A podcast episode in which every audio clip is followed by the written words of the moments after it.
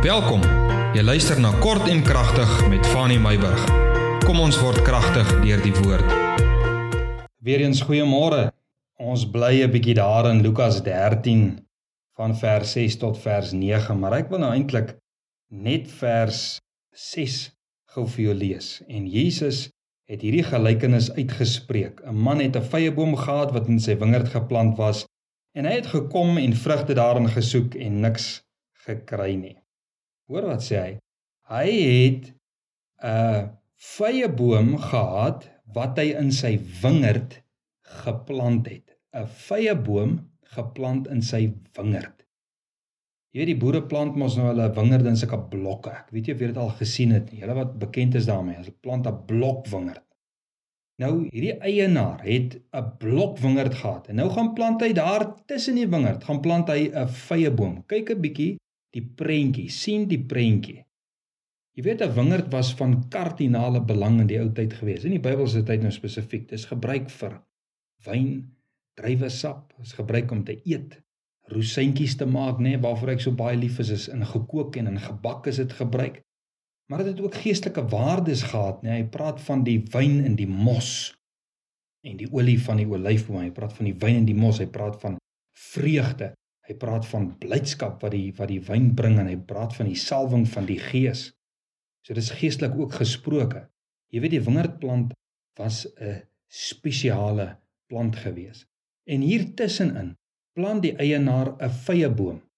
Dalk oënskynlik minder van waarde, nê, maar is kosbaar vir die eienaar. Hoekom?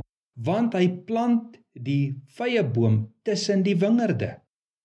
Die vrye boom Dink vir jouself, die vrye boom voel seker maar 'n bietjie uit sy plek. En die wingerd vra seker ook maar, wat maak jy tussen ons? Jy hoort nie hier nie. Ons het die salwing, ons het die vreugde, ons het die verkoeking, ons het die voedingswaarde, ons rank oral oor.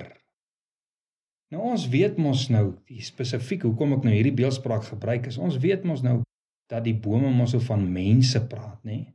As ons sou sê dat die wingerd dan Israel was, God se beste en eerste liefde, is die vrye boom tog die kerk, die eklesia. En daarmee wil Jesus tog wys dat die kerk, die eklesia, is vir God net so kosbaar soos wat die wingerd is, die Israel is. En hierdie vyeboom word geplant onder dieselfde sorg van die Here, dieselfde beloftes en dieselfde verwagting wat die eienaar vir die wingerd het, het hy vir die vyeboom.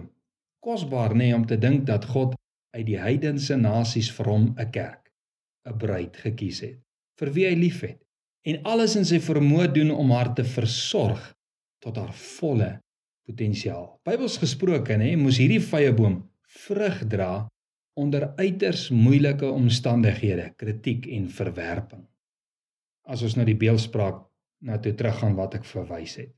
Maar dit was die eienaar. Dit was God se verwagting dat die vrye boom, die kerk, die eklesia te midde van die druk van die wingerd vrug moes produseer want dit was die rede hoekom die vrye boom geplant was. Nie om die wingerd te intimideer nie, net bloot om vrug te dra waar hy geplant was.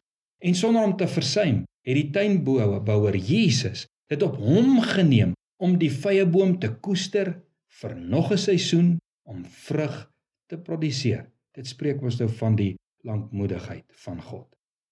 God het jou geplant tussen die wingerd. Hoekom?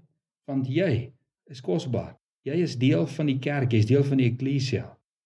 Jy mag dalk voel jy's uit jou plek uit. Jy mag dalk in jouself minderwaardig voel soos die vrye boom omdat ons nie deel is van die wingerd van Israel nie.